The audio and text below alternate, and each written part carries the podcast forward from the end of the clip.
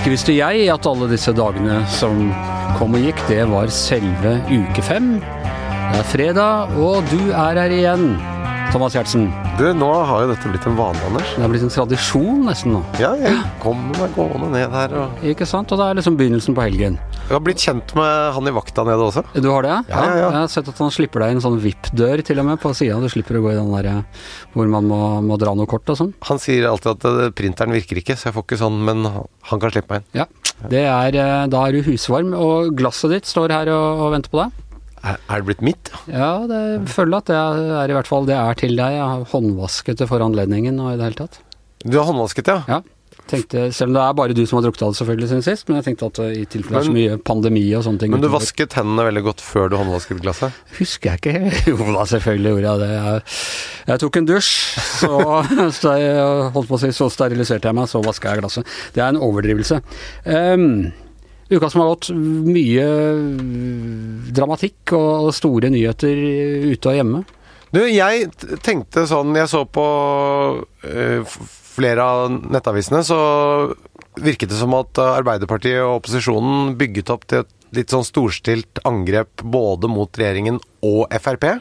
Man skulle liksom markere Man skulle markere et, eh, en avstand i både verdi og real.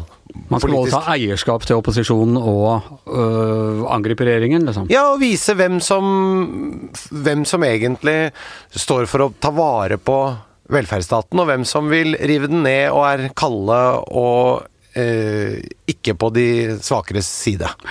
Eh, og det virket det som at eh, da hadde Det virket som at Jonas Gahr Støre hadde jobbet med dette her, han var klar, de hadde en masse forslag som han og Senterpartiet og SV skulle fremme i Stortinget, og så skulle da både regjeringen og Frp settes i forlegenhet.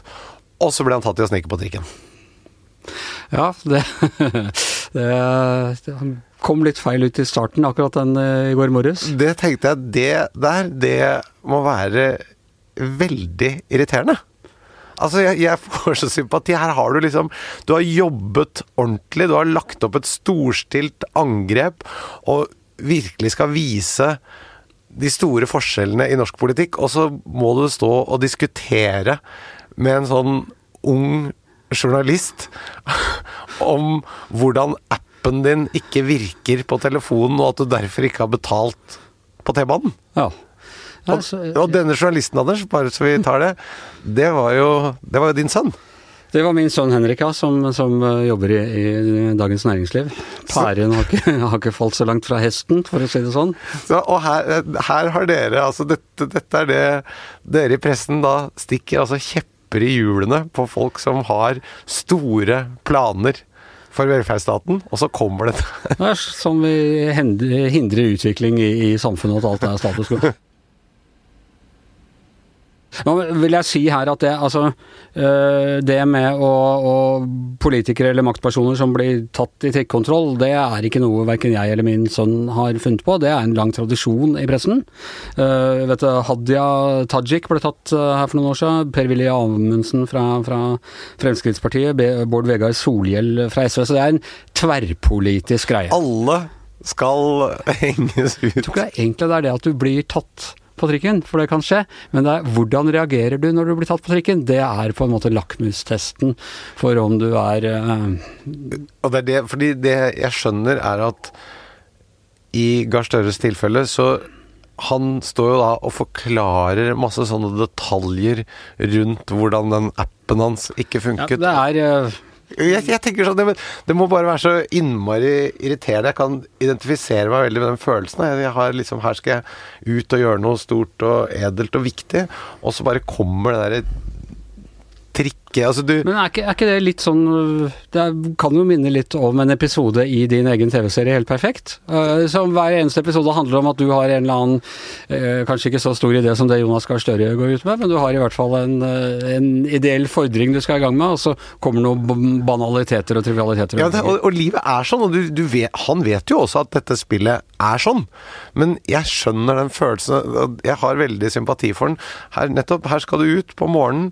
Ut. Du har jobbet mye, du har planlagt. Nå skal vi virkelig markere hvem som er for de svake i samfunnet, hvem som vil ta vare på velferdsstaten. Hvem som støtter barnebriller. ja, men det var også saker om, øh, om som skulle ivareta pensjonister osv. Og, så og så ender du opp når du går og legger deg på kvelden, så vet du hva fikk jeg ut av dette? Jo, en trikkebot på 950 kroner. Og det var det. Men jeg tror, eh, altså alt i alt så tror jeg ikke dette nødvendigvis virker. Jeg så masse av de folk som ellers pleier å jazze seg relativt godt opp over Jonas Gahr Støre ute på sosiale medier. Eh, snudde seg nå liksom type mot pressen, og dette er en dustesak, og uh, følte egentlig sympati for ham. For de aller fleste, jeg har opplevd det selv, har jo vært i, uh, i, den situasjonen at du er på trikken og appen har ikke funka, eller øh, et eller annet sånt, og så, og så er det kontroll, og så griper du alltid etter en sånn automaten virka ikke, eller du har jo alltid en forklaring på hvorfor du ikke har gjort det. Selvfølgelig, men man har på den annen side nå, Vi lever jo nå i et samfunn hvor det blir mer og mer automatisert. Og da du har vel ikke lov til å gå inn på, på T-baneområdet hvis ikke du har Jeg tror strengt tatt at du skal ha brukt appen før du går på trikken. Ja. La oss si at du kommer, du er på, i dagligvarebutikken da, på Coop, og så har du med deg noen varer. Og så står du på den selvbetjeningen, og så registrerer du alt, og så virker ikke kortet ditt. Du kan jo ikke ta med deg varene ut da? Det kan du ikke. og så si 'beklager, kortet virka ikke'. Nei, uh... Eller kortterminalen deres virket ikke. Nei. Og jeg har så dårlig tid. Jeg skal på jobben, jeg skal redde velferdsstaten. Det, da må det være greit å ta med seg denne esken med dundersalt. Men hva, øh, har du opplevd det, Thomas? Har du blitt tatt i noen sånn øh, kontroll noen gang?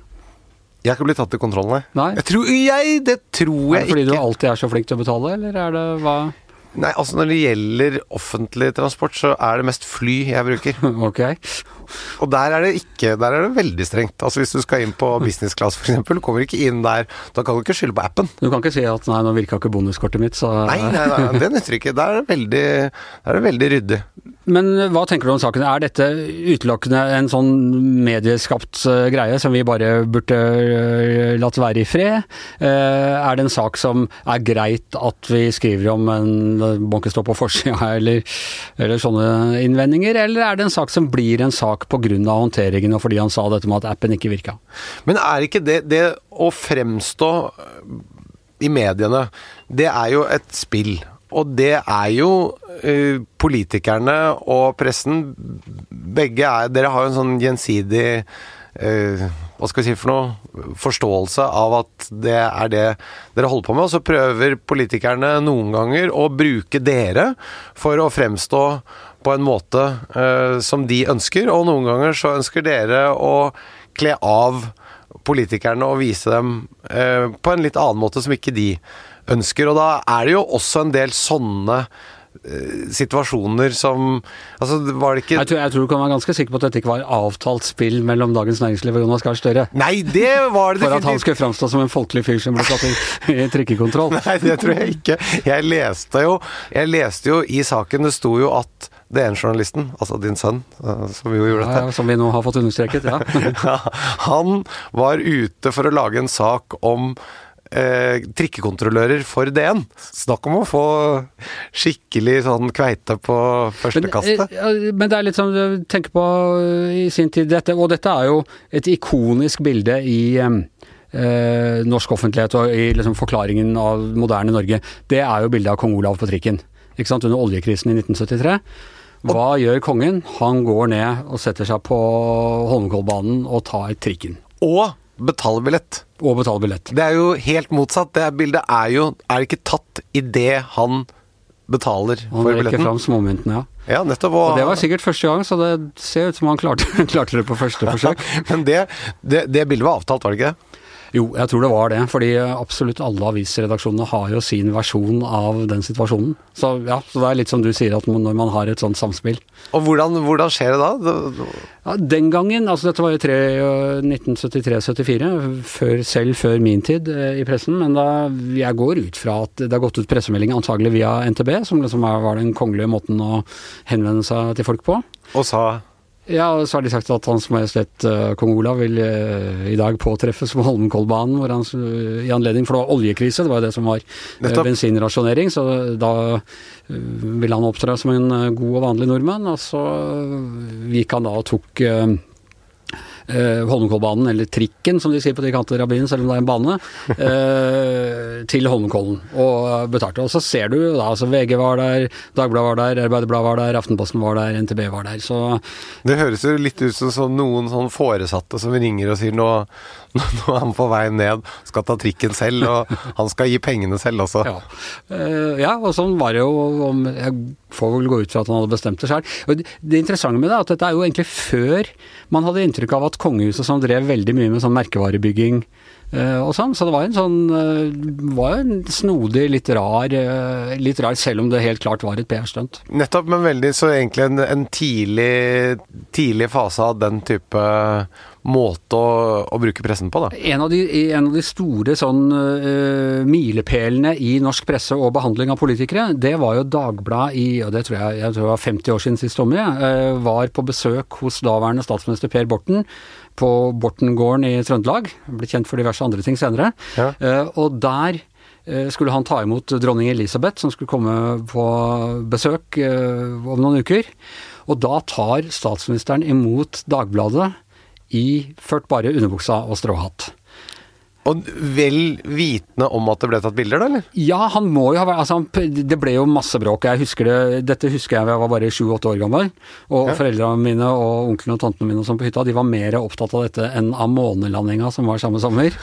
er det sånn? ja, ja, ja. Borten i underbuksa, det var bare helt sånn ah, ah, og det var helt brudd med Altså, da var jo politikere helt sånn alltid dress og slips og vare menn og eldre menn og i det hele tatt, og der går han rundt i en kjempesid sånn uh, underbukse. Og han prøvde, tror jeg Med høyt liv, var det ikke det? Ja, veldig høyt liv. veldig høyt liv. Og, og, jeg tror han prøvde etterpå å si at dette var tatt med telelins og sånne ting, men det, det, var det ikke. Og alt i alt så tror jeg på en måte at det var bra for han at det, det folkelige Altså, han var jo folkelig nok, men, men det menneskeliggjorde ham på en veldig måte, og folk tok parti med statsministeren eh, mot pressen, som er så ufine å vise bilder av uh, Borten underbuksa. Og, og, Fabian Stang ble faktisk eh, ble vel avbildet uten underbukse? Ja, på et eller annet uh, Hos Stein Erik Hagen ja. på bursdag? Ja. Jeg var litt mindre folkelig kanskje, men jeg tror ikke han ble noe upopulær på det i hvert fall. Nei, det tror jeg ikke. Men Erna ble vel veldig folkelig da man tok bilde av stua hennes? Ja. Ja, og det var litt rotete i den skrua. Det var ikke litt. Nei, det var ganske rotete. Det var, det var veldig rotete. Og ja, og nettopp, ikke sant, det bryter med at det her er sånn høyrefrue og alt er uh, på stell og støvet er tørket og sånne ting. Så nei, hun har egentlig mer rotete enn meg. Da... Du slapper godt av hvis du tenker at det, det, det dette er der lista ligger. Ja. Da, kan vi, da kan vi alle komme over den. Vi bør ikke hoppe engang, vi kan bare rusle over. Da tror jeg spinndoktorene hennes gned seg godt i hendene og hadde fått ut det bildet. Og dette er jo sånn du har vært opptatt av, det der med mm, symbolhandlingene til politikere og, og maktpersoner. Hvordan de, øh, ja, hvordan de markerer seg på måter som skal kommunisere. Men er ikke Jo, for, ja, for eksempel da Frp gikk ut av regjeringen nå, så var Trygve Slagsvold Vedum, tror jeg var i Aftenposten, med et Det er bilde av seg selv mens han bar ved og sto foran en sånn vedhaug. Sånn, her står jeg helt sånn tilfeldig. Bønder driver med. Nettopp. Men det, det kan ikke ha vært tilfeldig, det, tror du det? At det var tilfeldig at han sto der med vedfanget da de tok det bildet? At han var egentlig veldig travel med den veden, men han hadde Jeg kan godt ta et lite øyeblikk. Hvis dere er raske her nå, så skal jeg svare hvis det er viktig for dere. Det er jo vel grunn til å tro at øh, han har invitert, hvis det var Aftenposten som hadde dette oppslaget, jeg husker ikke det helt, han har invitert dem dit, og så har han vel stilt da, har han diskutert med PR-rådgiverne sine og sånne ting. Og da bør du stille sånn kjeledress fra Felleskjøpet og bære litt ved, og da ser det ut som en dugende skar, ikke sant. Får ikke dere litt sånn uggen smak i munnen noen ganger, dere i pressen, hvis dere skjønner at, at han må hjemom for å bytte til sånn Felleskjøpekostyme? Ja, men altså Hvis han drar hjemme om vent litt, jeg skal hente Felleskjøpet, så, så vil man nok få det. Men altså han, har det noen gang skjedd at noen av dem må innom kostymeavdelingen på NRK for å hente kostyme før de kan ta bilde? Ja, altså, jeg tror nok, og enda, enda mer tidligere, så var det sånne veldig regisserte Uh, greier. Finansministeren sto fram og skar til beinet på en spekeskinke for å Ja, nå skal man skjære til beinet, eller strammet inn livreima, eller noe sånt. ting. Så tok man et oppgjør med den type arrangerte bilder på, på 90-tallet. Så nå, uh, nå er det ikke så mye som Det er klart man og det kommer litt an på. altså En del sånn type feature-artikler. Jeg vet ikke om du husker da vi hadde bilde av vi hadde et bilde av Erna så i et sånt tjern oppe i Nordmarka. Det husker jeg. Ja, Og det var ikke sånn at hun tilfeldig lå og fløyt i det tjernet da vi kom for å intervjue henne. Det var veldig staged. Tror du det da var et forslag fra dere, eller fra, fra statsministerens kontor? Det forslaget vil jeg tippe kanskje kom fra oss. Men det var, jo, det var jo såpass spektakulært at han medieprofessor Hans Fredrik Dahl han var sikker på at det var manipulert, og var indignert på Erna Solbergs vegne over at vi hadde liksom manipulert henne inn i dette tjernet, hvor hun aldri hadde vært. Han trodde det? Ja, han trodde at det var liksom, dette, var, eh, dette var bare laget. Men, men, men de, fordi de, de, du ser jo at de velger kostyme f.eks. når det er valgkamp. Da har jo Jonas Gahr Støre da veldig ofte på seg sånn uh, tømmerhoggerskjorte. Har du lagt merke til det? Eh, ja, det har jeg. Mens nå, når han da ble tatt med garden nede på, på trikken, så hadde han en veldig sånn flott frakk. Ja. Som var veldig pen, faktisk. Det var veldig sånn deilig, så ut som sånn deilig ull, og så et veldig sånn deilig ullskjerf i halsen. Som var på en måte veldig annerledes enn enn den, eh, den derre tømmerhoggerskjorta som Han, er vel, han, må vel, han kan ikke gå med den tømmerhoggerskjorta hver eneste dag, så det er jo Nei, det skjønner jeg, men den er Er du klar over Det er ganske ekkelt å ha sånn rett mot huden hvis du har vokst opp med kasjmir. Ja, jeg har ikke hatt så mye kasjmir, jeg, så jeg vet ikke, vet ikke hvordan det funker. Altså, Vi kan ikke begynne å si til Jonas Gahr Støre eller Trygve Slagsvold Vedum eller noe sånt at vi tror ikke dette var de klærne du naturlig ville hatt på deg. La oss gå gjennom garderoben din og finne de klærne vi tror hadde vært naturlig på en vanlig tirsdag i januar, liksom. Men det er høy bevissthet rundt det. Tror du ikke Nå, nå Ja, kjempehøy, det er det. Siv Jensen kjøpte eh, elbil. Ja.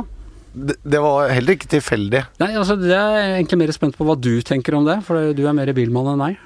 Nei, jeg bare tenker at den åpenbare forståelsen av Frp Ville ikke det vært mer sånn at hun skulle At Sylvi Listhaug skulle vært med på det Amcar-treffet i, Ja. i Frognerparken? Stå og spole opp plenen i, i Frognerparken med en eh, ordentlig uh, Disolto. Nettopp, og så, men så Nettopp så går Siv og kjøper en elgolf. Tror du ikke det er en sånn tanke om at Frp skal være et bredt folkeparti? Eh, hvor de på en måte både har nettopp folk som er på Amcar-treff, men også en moderne, urban eh, bybil. Ja, det kan hende, men da er det jo liksom Da er jo det nærmest et slags uh, Du skal tolke sånne signaler, et slags mottrekk til den måten Sylvi Listhaug nå har holdt på med, og vi er ute av fengsel, og jeg er så glad vi ikke er i regjering lenger, og sånne ting. Ja, men vi er ikke endimensjonale. Nei. Ja, eller, eller vi to er uenige. Det Jeg, kan være er, jeg har en liten MDG-er i meg, eller et eller annet sånt. Men har ikke Arbeiderpartiet tidligere rommet hele det spennet der før? Det har det jo det har du selvfølgelig. Og Altså- nå, gjør, nå gjør Frp det også, om det er et utslag av at de to At det er en markering av en intern uenighet. Men det gir en eller annen sånn bredde på, i paletten, gjør det ikke det? Jo, altså ja. ja. Det kan hende at folk da liksom tenker at uh, Siv Jensen hun har også et hjerte for miljøet langt der inne i den Ja, eller at hun bare liksom hun, Hva var det hun sa for noe? Hun sa jo et eller annet om at eh, jeg, man trenger ikke slippe ut mer enn nødvendig, eller hun var liksom pragmatisk. Jeg, for jeg tror det må ha vært en bevissthet rundt dette. Det er ikke fordi hun og det er ikke fordi hun har f.eks. fått sponsa den bilen. Nei, det hadde blitt ordentlig bråk hvis du hadde vist seg Jeg vet ikke Dess, dessuten, bilbransjen har ikke så mye marginer å gå på. Kunne kanskje fått litt mer sånn um, Kunne kanskje fått litt billigere ekstrautstyr, eller gratis dekkhotell, eller noe sånt. Ja, ja, Takrinn, eller uh, hundebur eller Det må jo være en veldig god reklame, da. At, uh, altså sånn historien her, at uh, dette er en dame som har sittet seks år i et luksuriøst baksete på en sort bil med sotede vinduer, og nå den bilen Da har du blitt ganske kresen, og hun velger nå denne elektriske Golfen. Det, det, det, er det, det er det beste hun kan tenke seg. Men det tror jeg da er en, i så fall en, en bonuseffekt for bilbransjen. Jeg er temmelig sikker på det ville være veldig rart hvis Siv Jensen, som har liksom allerede fått kritikk fordi hun leier hytta han derre uh, Ferd-mannen, og at det skulle vært litt billig, om hun gikk inn og liksom fikk finans, av, avtroppende finansministerrabatt på bil, det syns jeg hadde vært, uh, jeg det hadde vært overraskende. Jeg, jeg, vil bare si at jeg trodde ikke det, Anders. Jeg bare syns det var en artig tanke. Ja. Som jeg likte å leke med. Er det fordi når du kjøper ny bil, så sjekker du om det er noe sponsor Er det noe Jeg må alltid sjekke er det noe å hente her. Ja. Men, Hva slags men, bil kjører du? Du, jeg kjører, jeg kjører en hybridbil, Anders. Okay. Og det er fordi da kan jeg både nyte godt av gleden over det fossile brennstoffet og lyden og alt det der. Og så kan jeg samtidig skru av og kjøre elektrisk når jeg triller pent inn og leverer barna på skolen på indre Oslo nord. Ja. Du vet, det er jo den bydelen der som alle sykkelstiene i byen er laget for, de som bor der. ja. Og likevel kjører de rundt i hybrid. Det er helt riktig. Ja, men alle sykkelstiene Det er interessant, hvis du følger alle sykkelstiene i Oslo, så ender de opp der i, i ditt nabolag omtrent. Ja. det er helt riktig. Det er, det, er vi som, det er vi som liker at det er sykkelstier. Ja. Vi synes det, er, eh, det er ikke alltid vi har tid til å bruke dem, dessverre, men vi syns det er veldig hyggelig at de er der. Og vi syns Og så har er dere carport og sånn, så dere trenger ikke å bekymre dere over alle parkeringsplassene som er forsvunnet. Nei, men så må du huske på også at det er ofte regn, og da er det ikke så gøy å sykle. Nei. Nei. Så det, det, det må du ta, ha litt respekt for. Vi kan ikke, vi kan ikke bruke, bruke de sykkelstiene hele tiden. Hva slags bil kjører du, Anders? Du, jeg eh, kjørte BMW, faktisk. Eh, Det, det syns jeg, det, det, det synes jeg var litt overraskende, bare for å ta det først, når vi snakker om ja, det symbol... var, det var litt sånn når du ikke har så veldig greie på eller interesse for bil, og så skal du kjøpe deg en bil, og så tenker du hva er det som er bra bil her? Det er BMW, har jeg hørt skal være. Jo, men jeg tror, hvis, man, hvis jeg skulle gjette Ja. Hvis jeg som leser av VG, så ser jeg på kommentaravdelingen, så ser jeg Anders Giæver. Hva kjører han? Jeg hadde jo satt penga mine på Berlingo. Ja, og jeg hadde Berlingo i mange år. Så, Du hadde det, ja, ja, ja. Jeg kjørte Berlingo i mange år, så hadde jeg firmabil noen år, og da var det litt sånn Da er det Ford, er VG firmabilen Ford? Nei, jeg hadde en sånn um, Turan, var det vel jeg, jeg hadde. Men så Jeg kjøpte tenker VG, bare for å ta det, jeg tenker VG Den VG-mannen, ja, han kjører Han har en Ford firmabil. Han har begynt å spille golf. Han er glad i spansk vin. Hvordan stemmer det med min oppfatning? Jeg har ikke noe imot spansk vin, men spiller ikke golf. Men det er en del, er en del kolleger som spiller golf, så er nok det. Men så, ellers så tror jeg at akkurat når det gjelder bil, og nå er det firmabilordningen er avvikla. Det er det, ja. Ja. Og det var det jeg egentlig skulle si. Altså, jeg kjørte da en BMW noen år. Ja. Veldig dyre reservedeler til de der BMW-ene. Jeg følte liksom at den bilen kosta meg 1000 kroner hver gang jeg tok den ut av garasjen.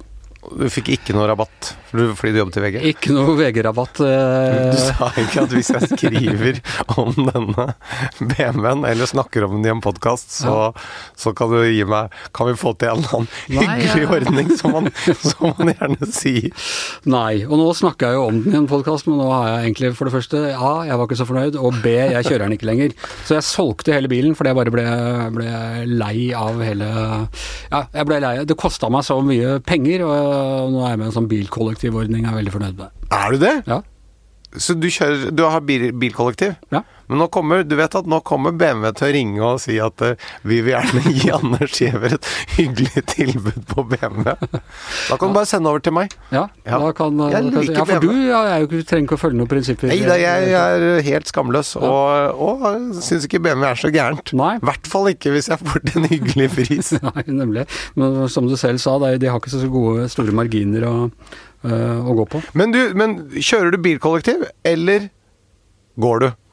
Altså, Aller mest så går jeg, og det er jo også litt av greia. Jeg flytta enda nærmere byen enn jeg bodde, og så går jeg omtrent alle steder. For det må vi snakke litt om, denne gåingen din. Ja.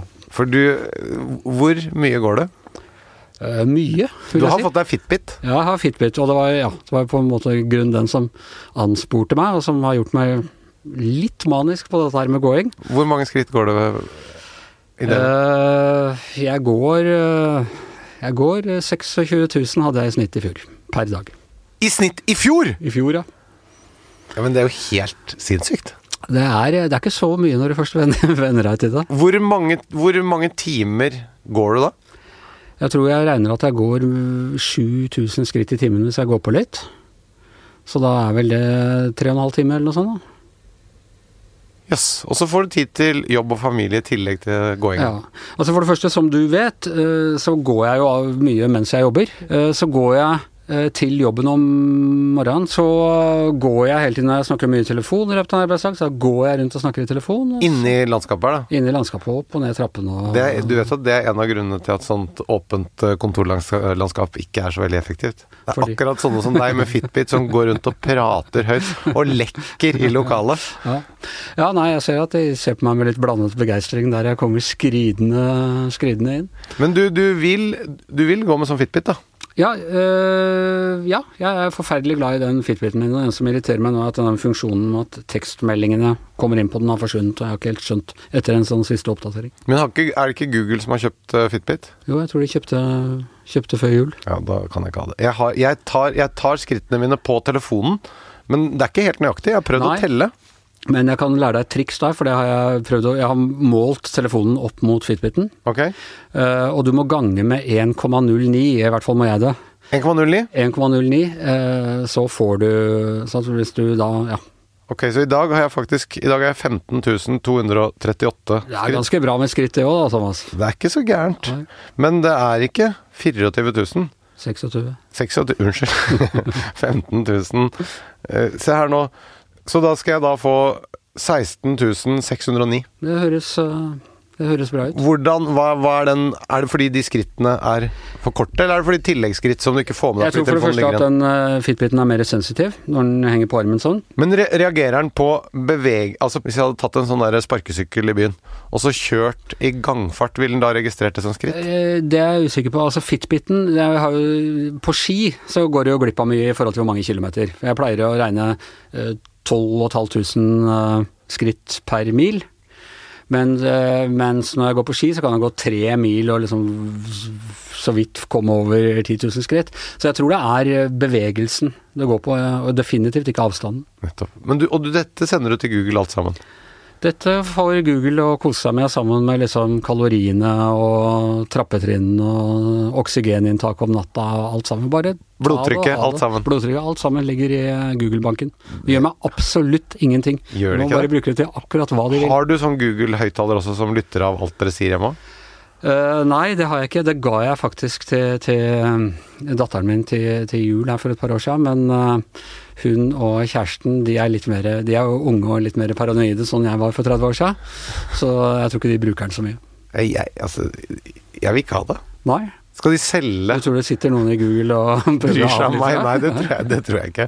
Men, men altså, alle disse tingene her sånn Det er jo Hvis du for eksempel Hvis de sitter med all helseinformasjonen min, de kan jo selge den, og så plutselig så får jeg høyere forsikringspremier, og etter hvert så er jo dette ganske brukbar informasjon, er det ikke det? Jeg skjønner, men her, altså jeg tar høyde Hadde jeg vært yngre, så hadde jeg sikkert uh, brydd meg mer. Du har ikke noe problem med de brukervilkårene på noen sånne, verken på Google eller på øh, Facebook eller Snapchat?